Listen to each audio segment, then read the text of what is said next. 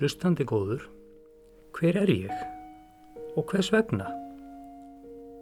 Stórt er spurt. Þú heldur kannski að þessi þáttur fjallum mig, sé sjálfsæg saga með skýringum? Nei, það er ekki svo. Þátturinn hefði allt eins geta heitið Hver er þú og hvers vegna? Og það hefði sömulegis verið villandi heiti, því að það er ekki verið að fjallum þig heldur fólk almennt og áherslan er reyndar á spurninguna hvers vegna? Hvers vegna er fólk eins og það er? Við getum vantilega verið sammálu um að engir tveir einstaklingar eru alveg eins, jáfnvel ekki einægja tvíburar. En hvers vegna verður mismunur? Hvað ræður því hvernig hver og eitt verður? Hvernig mótast personuleikin, skapgerðin? Já, hér er kannski rétt að staldra við og velta fyrir sér hvað þessi orð þýða. Förum inn á vefsíðuna málið.is og sláum þessi orð inn. Personuleiki, þeir andlegu eiginleikar sem einnkenna tiltekin einstakling. Skapgerð, tiltölulega fast mótuð persónueinkenni, svo sem þau byrtast í atferðlinu. Þá veitum við það. En hvað ræður því hvernig þessir eiginleikar eða einkenni mótast? Er þetta allt meðfætt eða mótast þetta í áfengum á æfinni frá fæðingu? Um þetta hefur verið rætt og rítað um langt skeið. Fyrirsögnin á slíkri umræðu er gætnan þessi, erfðir eða umhverfi. Á ennsku kallast það nature or nurture og ef við flettum upp í ennsk-íslensku orðabókinni sem Örn og Örlegur gáfu út fyrir rúmum 35 árum byrtist þýðingin náttúra og aðbúð. Þar sem orðið aðbúð er samheiti um alla þá umhverfistætti sem áhrif hafa á lífveru. Aðbúð, auglúslega gott og gilt íslenskt orð, en sennilega er fáum tamt að nota það. Algengara er að rætt sér um umhverfi í þessu samhengi og þá er ekki átt við náttúruna, landslægið, hverfið, nágrennið. Heldur þær mannlífs aðstæður sem einstaklingurinn lifir og hærist í. Foreldrana, sískinni, vini, skólan, vinnustadin og svo framvegis. Í þessum þætti og tveimur til viðbútar verður fjallað um marskonar svör við spurningunni hvers vegna, sem áður var nefnd, hvers vegna verður fólk eins og það er.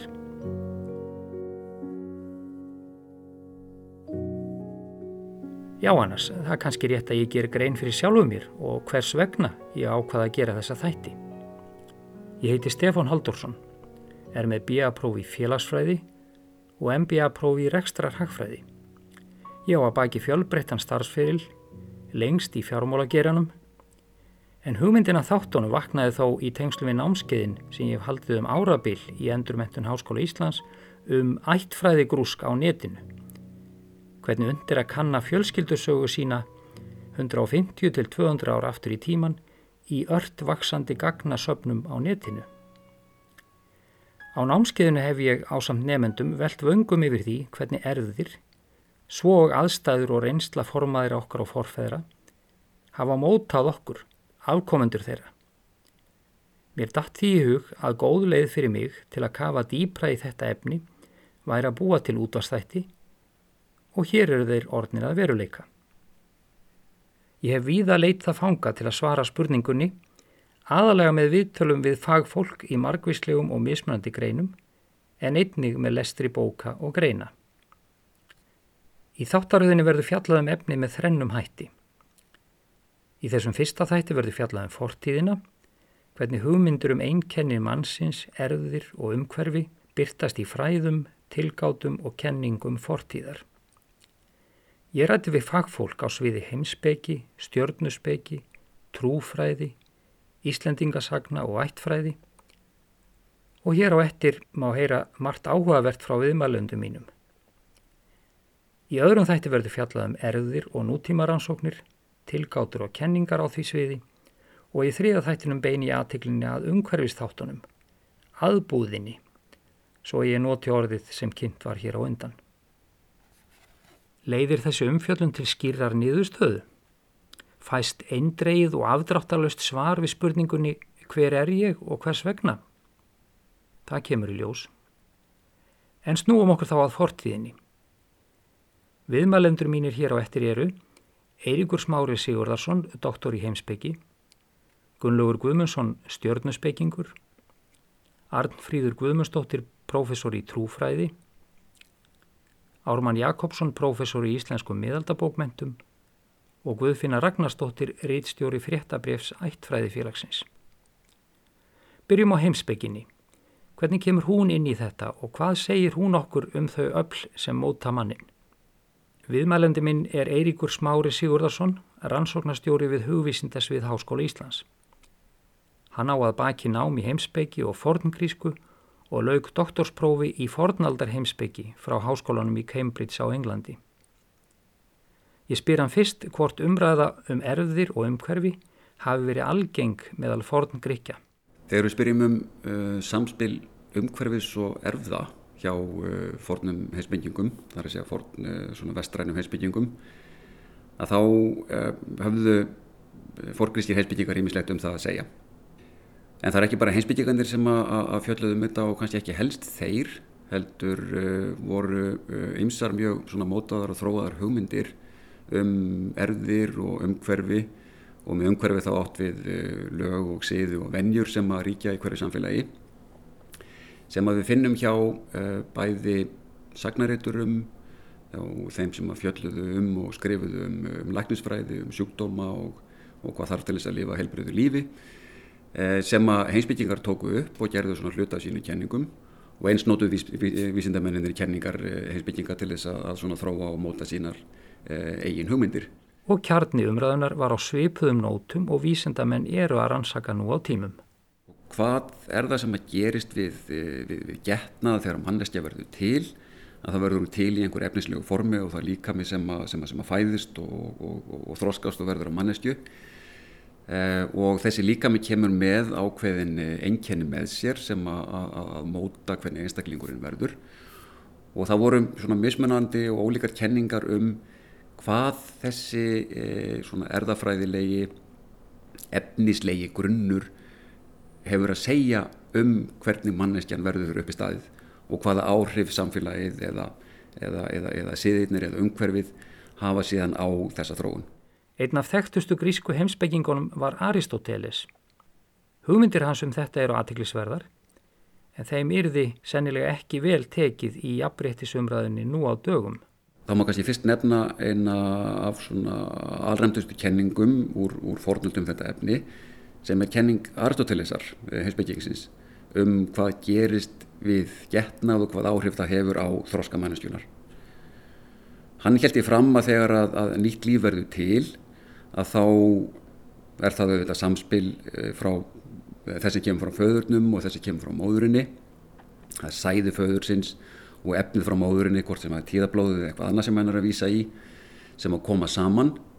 En hans kenning svona gróðlega gengur út á að móðurinn leggji ekkit annað til en efnið. Fadurinn í gegnum sæðið leggur til formið og hann var með frumspekilega kenningu um að allar verur sem að eru til séu samspil efnis og forms formið er það hvernig við, ekki, bara hvernig við lítum út, heldur hvernig við virkum, hvernig við hugsum, hvernig við högum okkur, bara hvers konar eh, manneskjur að manngerðir við erum til dæmis. Það er ekki það með sagt að, að, að, að allir sem að fæðast lifi upp í það form sem að þeir fæðast með. Þannig að það er ekki algjörlega bundið í, eh, í erðirnar að við verðum á einhvern ákveðin hátt. Og til dæmis er auðvitað, má, má spyrja spurningarinnar af hverju verður þá ekki öll börn að kallkinsbörnum ef að formið kemur frá, frá, frá, frá föðurnum. En það er nú annar mál mikið rétt. Eitthvað annað hlýtur að hafa áhrif en bara sæði föðurins. Formið sem er til hjá, hjá mannustjunni, hjá nýju mannustjunni sem, sem kemur inn í þennan heim, það er hins vegar ekki full móta, það er þarna bara sem möguleiki. Ef við þurfum ákveðið samfélag eh, sem að, að þroskar og þróar mannustjuna í gegnum bara ímiskona menningarstarfsemi, í gegnum mentun, eh, í gegnum félagskap, í gegnum vinskap fyrir þetta tegund af, af, af, af fólki, til þess að eh, þeir möguleikar sem búa í forminu komi fram. Þannig að það er ekkit fyrirfram gefið við það hvernig manneskjan verður. uh, heldur þarf ákveðna samfélagsgerð, það þarf ákveðin, ákveðna mótun til þess að við náum að draga fram þá möguleika sem eru í manneskjum. En það voru nú ekki allir sammála Aristótelisi og ímsar aðrar kenningar komu fram um þessi efni. En svo er að því að ég nefndi áðan uh, að Aristóteles hafa haldið fram kenningunum að, að, að fadurinn legði til formið og móðurinn til efnið að það voru aðra kenningar líka og það er, er til dæmis þekkt læknisfræðilegt rít sem heitir einfallega um sæðið og sem að lýsi því hvernig sæðið komi jamt frá föðurnum og móðurinni og þegar það blandast að þá verður móður sæðið stundum ofan á og það er sterkara heldur en föður sæðið. Þannig að móðursæðið sem að kemur úr eirunum er, er sterkara en föðursæðið sem að kemur úr eirunum og það fóð við eiru sem að líkjast móður okkar. Um, og svo framvegis og það er svona bara í halgjör formúlas um það hvernig þetta virkar. Um, og sem að hefur þá um, svona skýringamátt um það um erðaþáttir í því hvernig við allavega lítum út uh, þegar, við, þegar við komum fram þannig að það er heldur engin einn ákveðin kenning um þetta en, en, en kenninga Aristoteles er vissulega eins og uh, svona þekktasta og, og E, og áhrifaríkasta í, e, í þessu formi. Já, og svo voru kenningar læknana um einkenni mannfólksins. Sumar af, af mest útfærðu kenningunum um erðir og umhverfi sem við finnum í fornöld er að finna í læknisfræðiritum. Þau eru ímist kent við, við, við Hippokratis eða, eða einhverja aðra en, en það er ómögulegt að, að egna Hippokratis í sjálfum einhver ákveðin verk en þetta eru svona svo kallar hippokratiska kenningar sem að reyna að sína fram á eða draga fram hvaða áhrif umhverfið hefur á hvers konar mannestjur fæðast í ákveðinu samfélögu.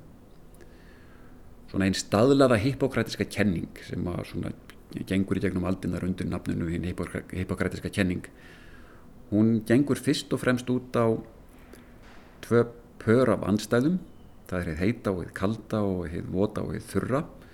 Og þessar anstæður hafa afgerandi áhrif á hvaða manngerðir eru til. Þegar við fæðumst að þá ákveði jafnvægi hinn að heita á kalda og hinn að þurra og hinn að vota. Og svo þróskust við og, og eldumst og þetta jafnvægi breytist. Þannig að við fæðingu að þá eru við heit og vot og þegar við erum ánum gömul að þá eru við köld og vot og í millitíðinni að þá er, er jafnvægið öðruvísi og eh, eftir aldurs eh, að þá erum við ólíkað náttúru eftir því hvar við erum stödd í þessu jafnvægi þessara anstæðna. Víkjum aftur að Aristótelesi. Hann hefði vafalust fengið á baukinn í nútíma samfélaginu fyrir þær kenningar sem Eiríkur segir hérfrá. Þannig að Aristótelesi að þá fæðust við ekki öll jöfn og það er mjög ákveðin erðaþáttur sem að, að, að börn fæðast með sem hafa áhrif á möguleika þeirra til þróska.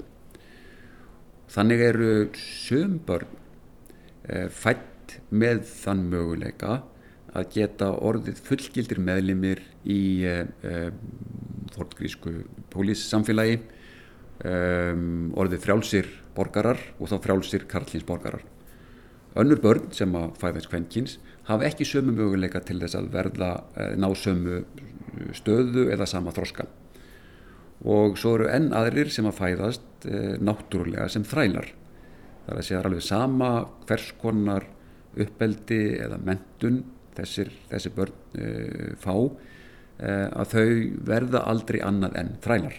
Af því það eru ekki möguleikanir sem þau fæðast með og sem eru, eru svona þeirra erðir frá, frá, frá, frá föðurnum fyrst og fremst Eh, bjóð ekki upp á annað en líf í, í þrældómi. Það er að segja að þetta fólk, þrælar og líka konur, þurfa eh, stjórn hins frjálsa karlmanns sem er fulltróska og með fulla skinsinni til þess að geta að lifa góðu lífi. Og það er ekkit í umhverfstættinu sem getur leiðrétt þetta, sangvært aðrastotelisi. Jáhá, konur og þrælar þurfa að njóta forsjár hins frjálsa karlmanns Feðraveldishugmyndin á sér greinlega mjög gamla rætur, hvort sem Aristóteles er aðal sökudólgurinn eða ekki. En það voru reyndar ekki allir á sama máli og hann. Svo er aðra kenningar í fornöld líka sem að, að telja sig sína fram á hefði gagstæða við fæðumst raun og veru öll jöfn en síðan er það umhverfi sem að, sem, sem að mótur okkur og setur okkur í ákveði mót og sömara kenningum sofistana, eh, fræðarana ganga einmitt í þá átt að það er umhverfis uh, gerðin, samfélagsgerðin sem er mótuð af ríkjandi öflum sem að stjórna því hvað möguleika við höfum í samfélagi til þess að, að, að ná uh, frama í samfélaginu og það er ekkert í uh, okkar náttúrulega uppleggi sem að stjórnar því. Heldur er það algjörlega komið frá samfélaginu. Já, þetta sagði Eiríkur Smári Sigurðarsson okkur um forngrísku kenningarnar. Það var greinlega heilmikið líf í umræðinu um erðir og umhverfi fyrir meira en 2000 árum. Færum okkur næst yfir í stjórnuspeikina. Laungu fyrir tíma grísku heimsbyggingana var fólk farið að nota sér stöðu og gang stjarnana í tvennum tilgangi annars vegar sem tímatal því að sólinn markaði sólarringin og árið, tunglið markaði vikur og tunglmániði. Hins vegar hórði fólk til hímins til leiðsagnar. Stjörnunnar voru viðmið í langferðum. Gunnlaugur Guðmundsson fekk áhuga á stjörnusbeikin í 15 ára gamall og hefur í næri hálfa öld helgað sig rannsóknum og greininga á því sviði. Veitt fólki leiðsögn byggða á fræðunum gert 2000 stjörnukorta fyrir einstaklinga, skrifað bækur og haldið námskið. Og af því að við heyrðum áðan um kenningar forngrykja, þá er fróðulegt að heyra Gunnlaug lýsaði hvernig stjörnusbeikin tengdist gríska hugmyndaheiminum. Nútíma stjörnusbyggi, það er þetta staðsetjana svona til gamans í einu ártali, það er þegar Grikki frá Makedóni, Alexander Mikli, herrtaka Persíu, þegar þeir herrtaka Babilóniu, ég minnir að það hafi verið 331 fyrir Krist eitthvað svo leiðis þá blandast saman sagt, þessi rökhyggja gríkja þeir, þeir eru svona vísinda Aristoteles og þeir og þessi gamla tímatals stjörnusbyggi hefð Súmera og Kaldea og Persa og, og eftir dauða Alexander verður Alexandria í Egiptalandi aðal menningarsettur fornaldar. Og þar rýs nútíma stjörnusbygging og stjörnukort eins og við þekkjum þetta fyrstu kortin eru svona frá 300 fyrir Krist Gunnlaugur skrifaði bók sem heitir Hver er ég?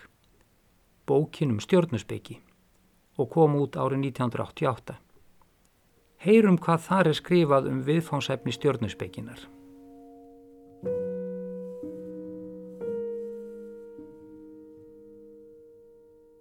Personleiki mannsins er flókin og margslungin, svo mjög að oft er maðurinn sjálfum sér ráðgáta. Því er ekki undrað þótt oft vakni spurningin hver er ég? Til þeirra spurningar má meðal annars rekja tilurð stjörnusbyggi. Stjörnusbyggi er mannþekkingar tæki, en jáfnframt er hún náttúrusbyggi. Því helsta kenningennar felur í sér að maðurinn sé afsprengi náttúrunar eða öllu heldur að maður, náttúra og alheimur séu eitt og sama lífkerfið. Pláneturnar og stjörnumerkin hafa ekki áhrif á mannin, heldur má sjá í reyfi lögmálum pláneta ákveðnar samsvörun við lögmál í lífi mannsins. Það er þess vegna sem við notum stjörnusbeki til að skilgreina persónuleika okkar.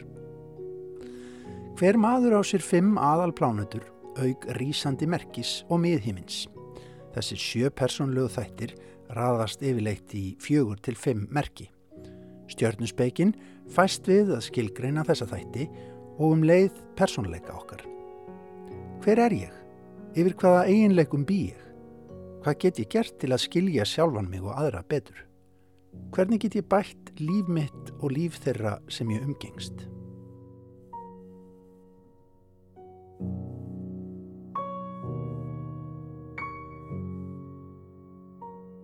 En ef það eru lögmál í lífi mannsins, eins og sagt var í tekstanum hér á undan, erum við þá að tala um örlög eða forlög og hvað er þá frelsi mannsins? Erum við bara leikbrúður annar afla? Er stjórnusbeikin að segja okkur það? Þú talar um sko örlög og forlög. Hvað leikur frelsi mannsins? Og ég er mitt mikið, mikið áhuga á því. Og þegar fólk kemur til mín í tíma þá ræði ég það akkurat og ófrelsið er það að, að þú ert karlmaður fættur á Íslandi ekki kona í Sáti Arabíu þú fæðist inn í ákveðna fjölskyldu og ákveðna aðstæður. Og þú, þú fær því ekki breytt um, menn er að reyna að breyta núna kynunum sínum í trans og, og svo leiðis en, en við fæðumst allavega með ákveðna ákveði upplöf, ákveðna krafta.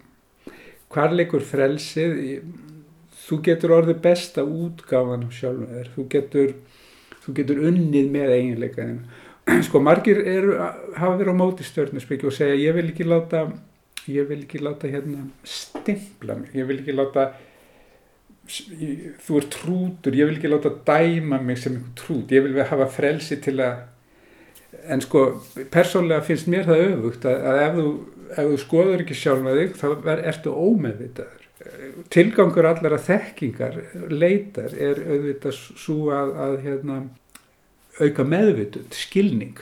Af því að þegar ég þekki eitthvað þá, þá segir ég hvað hva getur gert við þetta, hvernig viljum hafa þetta þannig að stjórnusbyggi er ekki í mínum huga tæki til þess að dæma fólk, heldur til þess að greina hvaða orgu þú hefur að upplægi. En hvert er markmiðið með stjórnusbyggi? Grípum aftur niður í bók Gunnlaugs. Hvað er stjörnusbyggi? Stjörnusbyggingar halda því fram að maðurinn fæðist inn í þennan heim með ákveðin personaenginni eða upplag. Markmiðið með stjörnusbyggi er að skoða þetta upplag og vekja okkur til umhugsunar um personleika okkar. Ef við lítum ekki einn barm, eigum við frekar litla möguleika á því að auka þroska okkar. Til að skoða sálarlífið þurfum við á tæki að halda. Tæki sem bendir okkur á veikleika, hæfileika og henduan farveg fyrir orkuna. Það er einnig markmiðið að opna augu okkar fyrir þeirri staðrind að við erum öll einstaklingar með sérstakar þarfir. Nú gagnast stjórnusbyggi að fólki ákveðlega. Ég, ég er með enga tíma, ég auðlis ekki, það kemur fólk til minn í enga tíma ár eftir ár, sama fólkið aftur, aftur, aftur af því að fæð virkar. Þegar einstaklingur er skoðaður út frá fræðum stjórnusbygginar þarf að útbúa sérstakt stjórnukort fyrir hann. Heyrum hvað stendur í bókunlaugs um stjórnukortin og kerfi stjórnusbygginar. Grunnþættir stjórnusbygginar eru fjórir.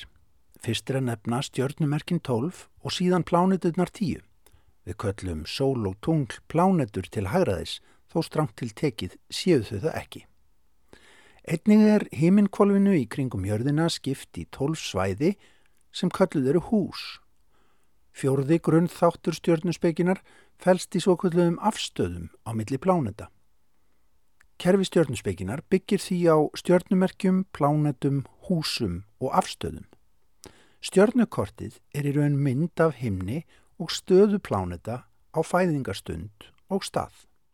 Áhugin minn er það mikill á þessu að ef það er einhver persóna í Billy Ellis 19 ára stelpa vinnur 5 grammi velun og ég gerir strax kortið hennar Hildur Guðnardóttir vinnur baftavelun, ég gerir kortið hennar ég fæ mig kaffi á mótnana og, og einhver er í frettum það er eitthvað að gerast, ég gerir kort ég hef gert þetta síðan 1973 og hverjum einstu deg, mörg kort á það Það ríðast upp fyrir mér að ég fekk eitthvað tíman að gjöf stjórnukorti mitt ég áða heima, ég, það er gott að þú nefnir þetta, þetta er ekki það upp og skoða hvað, hvað, hvað það segir. Ekki það að ég. Gerðu það, það er nákvæmlega það sem er, er, er sko, er hérna, einmitt, ég er búin að gera kort fyrir minnst okkast í 50, 50-60 þúsund manns. Stjórnurnar, náttúran, maðurinn, frá sjónarhóli stjórnusbeikinnar er þetta allt samtengt. Í mínum huga er, er erðavísindamadur maður sem nota smásó til þess að taka lífsín, lí, til þess að taka li, lítið, skoða lítið kerfi. Við, við höfum nota stjörnu sjónuga til þess að skoða stærri kerfi og álíkta um því minni. Grunnkenningin er svo að, að lífið er ein eining. Það er að segja, þetta eru lífkerfi innan lífkerfi innan lífkerfi og þú getur farið í hvora áttina sem er. En tilgangurinn er svo sami. Ég, ég er í rauninni að leita lækninga eða, eða eða ég er að leita skilnings. Við hveðjum Gunnlaug Guðmursson stjórnusbeiking en við höldum samt áfram að horfa til heimins. Þar býr Guð. Hvernig kemur hann eða hún inn í þetta. Ræður Guð því hvernig við erum. Artfríðu Guðmustóttir er profesor í Guðfræði við Háskóla Íslands. Hún stundaði Guðfræði nám við Háskóla Íslands og laug síðar doktorsprófi frá Lúterska Guðfræði Háskólanum í Chicago í Bandaríkjónum. Artfríðu bendir á að svör við spurningum okkar megi finna fremst í biblíunni, í frásögnum af sköpuninni og syndafallinu. Sköpunafrásögurnar og syndafallssagan er að sjálfsögðu skýringafrásögur. Þetta eru frásögur sem eru að bregðast við þessum spurningum hver er ég, hvaðan kem ég og til hvers er ég hér.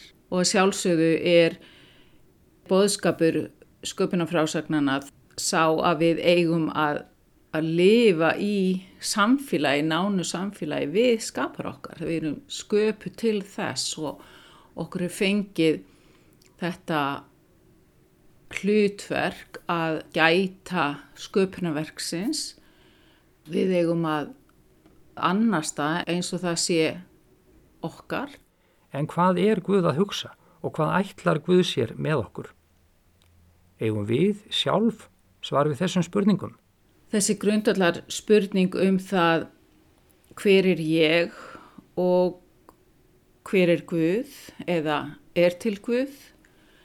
Og ef að við svörum því í átandi að það sé til Guð þá spyrjum við að sjálfsögðu hver er þessi Guð og, og hvernig er þessi Guð sem að hefur lífmitt í hendi sér og þetta er, er að sjálfsögðu spurningar sem hafa þá áhrif á allt okkar líf. Við annarkort lifum í þeirri sannfæringu að Guð sé til eða ekki.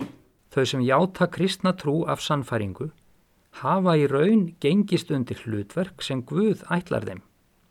Í dag og tölum við um að að þinn kristna afstafa sé þá þessi afstafa að, að ég er sköpun Guðs, ég er sköpuð í mynd Guðs í, í lífinu og ég sem játandi trú á skapara heimins og jarðar, ég skil mig í því samhengi.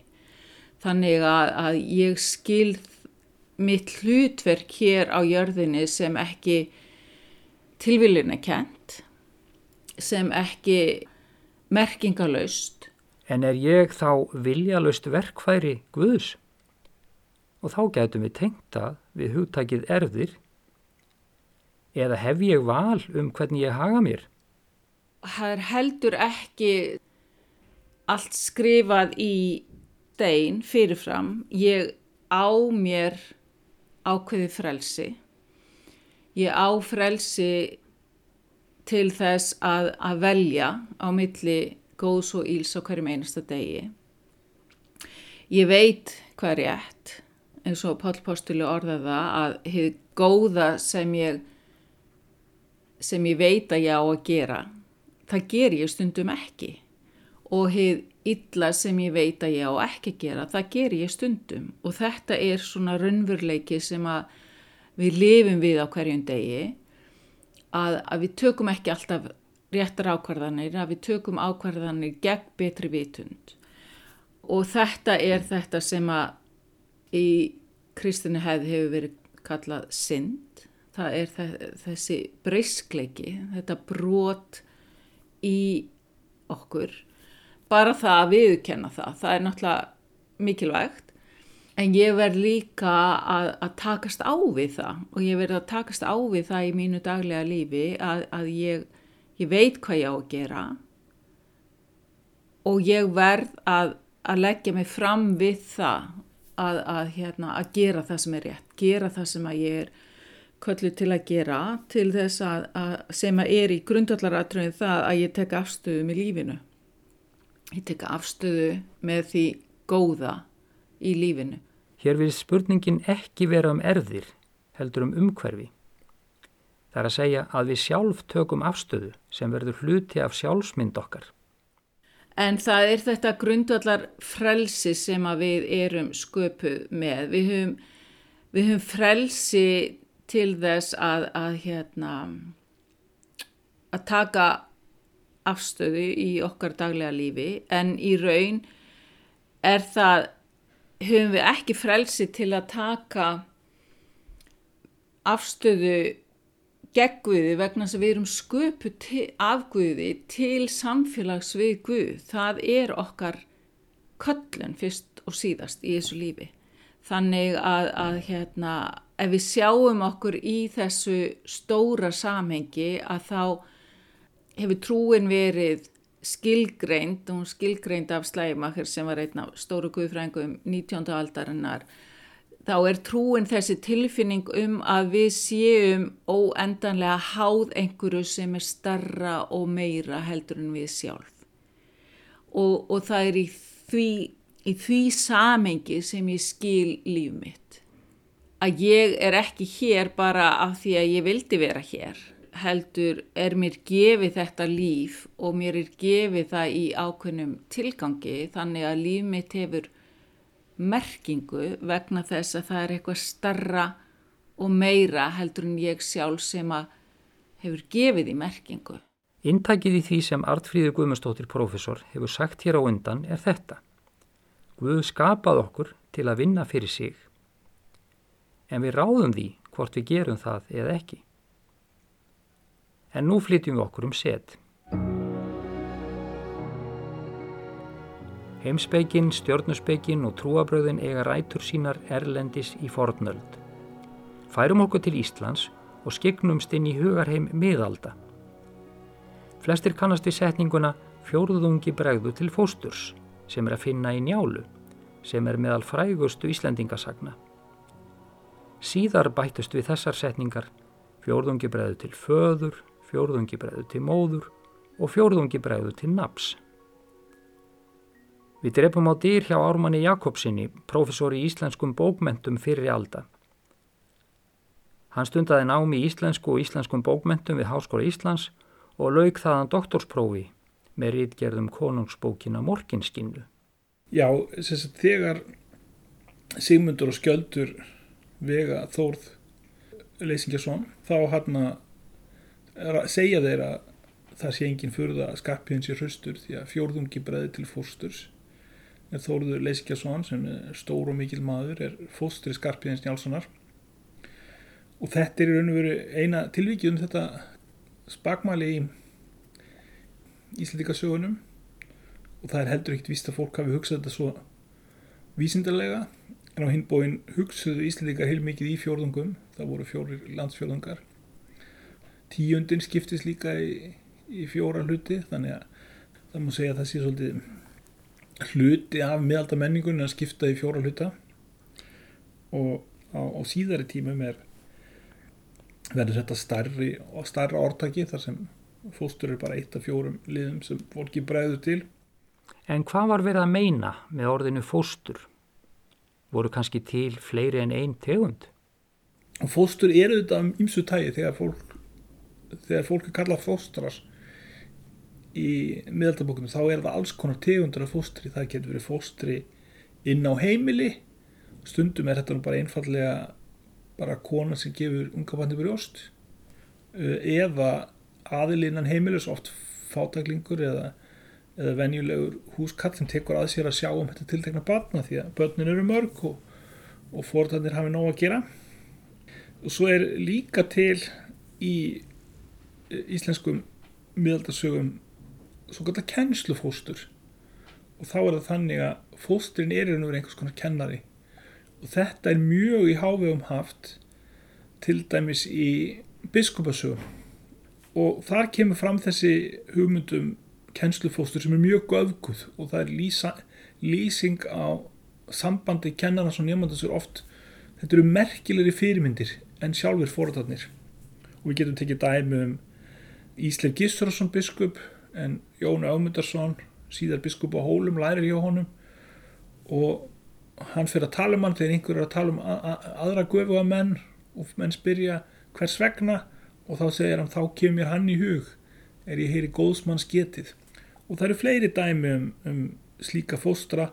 Ari Fróði nefnir nokkra í Íslandikabók og Þorlakur Helgi er fóstraður í Otta Var fóstur kannski bara holdt fyrir barnið? hugmyndin er greinilega svo að þetta fóstur skapi mikilvæg tengsl og jafnvel mikilvægar en blóðtengsl og það er auðvitað í góðu samræmi við hugmyndir katholsku kirkjunar þar sem blóðtengslin er ekki endilega mikilvægastu tengslin En ennú samt ekki best fyrir barnið að vera hjá foreldrum sínum. við getum tekið dæmi af Agli Skallagrimsinni í bensku þá ræðist fadur hans á hann hyggst jafnvel drepa hann. Og Agli er bjargað af fóstru sem heitir Þorgerður Brák. Hún er greinilega svona fátæk kona á heimilinu eh, innflytjandi sem hefur tekið að sér að fóstra eigil og, og þetta er manneskjan á heimilinu sem elskar eigil það er fóstran. Forðarnir Það er engin fulleringu í eigilsögum að þau elski svon sinn og reyndar virðist föðnum beilins ítla við hann. En á hinbóin þá á hann sér þessa einu mannesku sem stendur með honum og það er Þorgerður Brák, fóstrans. Og í þessari sögum á sjá svona hugmyndafræði fósturs á Íslandi á 13. öld að fóstur er mjög mikilvægt og í, í fóstri lærir fólk það sem mótar og þetta er uppeldi og kænsla. Lífið á miðöldum var ekki auðvelt með að við mæli hvarða nútímans og ímislegt gat farið úr skeiðis. Stundum er fóstur bara tilkomið vegna þess að fjölskyldu voru fátakar, hjónaböndin voru leist upp og börnin voru sendum kvipin og kappin. En það er engin, þessi þetta munalíski minni sem hann sér á setni öldum, það er ekki fyrir hendi í, í fortsögunum. Þverta móti er líst er, er, er svona tengslum sem ekki snúast um blóðbönd líst sem mjög jákvæðum og farsalum almennt þannig að það er ekki um það að ræða að blóðtengsl þykir merkilegir en fósturtengsl En þrátt fyrir erfitt líf hljóta foreldrar að hafa borið ást til barna sína og borið umhyggju fyrir þeim. Var það ekki svo? ef við tökum til dæmis eigilsögu þá er náttúrulega ástir milli fóreldra og barna mjög fágætt í eigilsögu það er miklu algengar að, að fóreldrar bara líka ekkert vel við börni sín og, og, og þetta, þetta hefur stundum verið þannig og það er ekki alltaf þessi göfkun tengsla milli fóreldra og bars Við höfum nú heyrt Árumann Jakobsson professor lýsa hugmyndum miðalda um ímislegt sem snýri að uppeldi og umhyggju fyrir börnum. Við beinum aðteglinni næst að ættfræðinni. Árumann kom með áhugavert innlegg í því sambandi. Ari Fróði, hann talar um áttartölu og konungaæfi í formóla Íslandingabókar og síðan vittnar hann í ímsa heimildamennin ein, eina þeim er Þurriður Snoradóttir Góða sem hann hefur kynst og hann segir að hún hafi verið margspök og óljúkfróð sem er mjög skemmtilegt orð að vera óljúkfróður því það bendir til þess að ekki sé allir fróðleikur sannur og þannig er það aðrið sem finnur upp það sem í nútímanum kalla falsfréttir. Það eru þá þessir sem eru ljúkfróðir en það er mjög áhugavert að Ari er þarna með konu sem líkil heimildamann og í Þorláksu Helga kemur fram að móður hans hafi séð um að kenna honum ættvísu og mannfræði. Þannig að ættfræði kennsla hefur eftir verið að talsverðu leiti á, á hendi hvenna á þessum tíma á 12-13 öld. Sáu mæður um að kenna börnum um ættatengsl, spurði Ármann. Það á því vel við að fá konu, Guðfinnur Ragnarstóttur, til að ræða um hugmyndir ættfræðinga, um svörin við spurningunni hver er ég og hvers vegna? Guðfinna er jarðfræðingur að ment og var lengi kennari við mentaskólan í Reykjavík. Hún hefur um langt skeið reyðstýrt fréttabrifi ættfræðifélagsins og sint fræðistörfum á sviði ættfræðinar. Ég, ég hef nú lengi hallast að því sem að segir í njálu að fjórðungi bregði til fóstus og síðan held ég nú að genin ráði ansi miklu. Og fái neytaði í dag í ljósi vísindana að fjórðungi bregði til föður og fjórðungi til móður. Við erum náttúrulega bara afsprengi foreldrarna hvað gena uppsetningu varðar og svo held ég líka að fjórðungi bregði til nafns. Allavega var það svo þegar menn skýrðu í ættina sína og þá erum við náttúrulega komin með 100% ef maður fær alla þessa fjóra skamta. Guðfinna telur, eins og margir ættfræðingar, að erðirnar ráði mestu og bendir á ímislegt í því sambandi. Ef maður lítur fyrst á erðirnar, það þarf náttúrulega ekki að leita lengi til þess að sjá merki þeirra. Við erum afsprengi föður og móður, útlitið, skapið, hegðunin, gáfurnar, hæfileikarnir af ímsutægi og sjúkdómar. Allt fer þetta í ættir.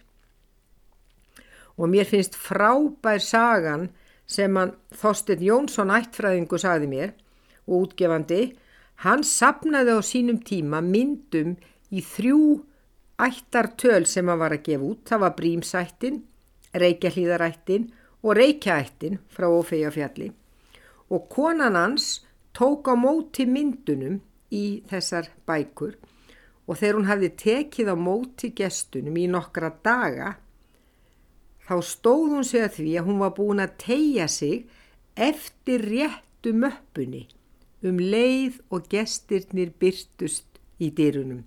Svo stert var ættar mótið og framkoman og þó voru gestirnir 50 og 70 líður frá ættfeðrunum sem fættust fyrir um 200 árum. Nú ótal rannsóknir og einægja tvíburum sem hafi alist upp saman sína mjög sterk líkindi bæði millir útlits og hegrunar og áhuga mála. Og fræði nú líka örsagan um Ólaf Jensson Lækni sem að rakti spjekopp í hægri kinn aftur um fjögur hundruð ár. Nú svo hefur maður náttúrulega fylst með þessum rannsóknum sem sína að sjúkdómar fylgja mörgum ættum bara svona eins og ofnæmi, asmi og krabbamein og andlegir kvillar. Og þegar að nái nættmenni eignast börn saman, þá koma líka oft fram gallar, eins og til dæmis snúnir fætur.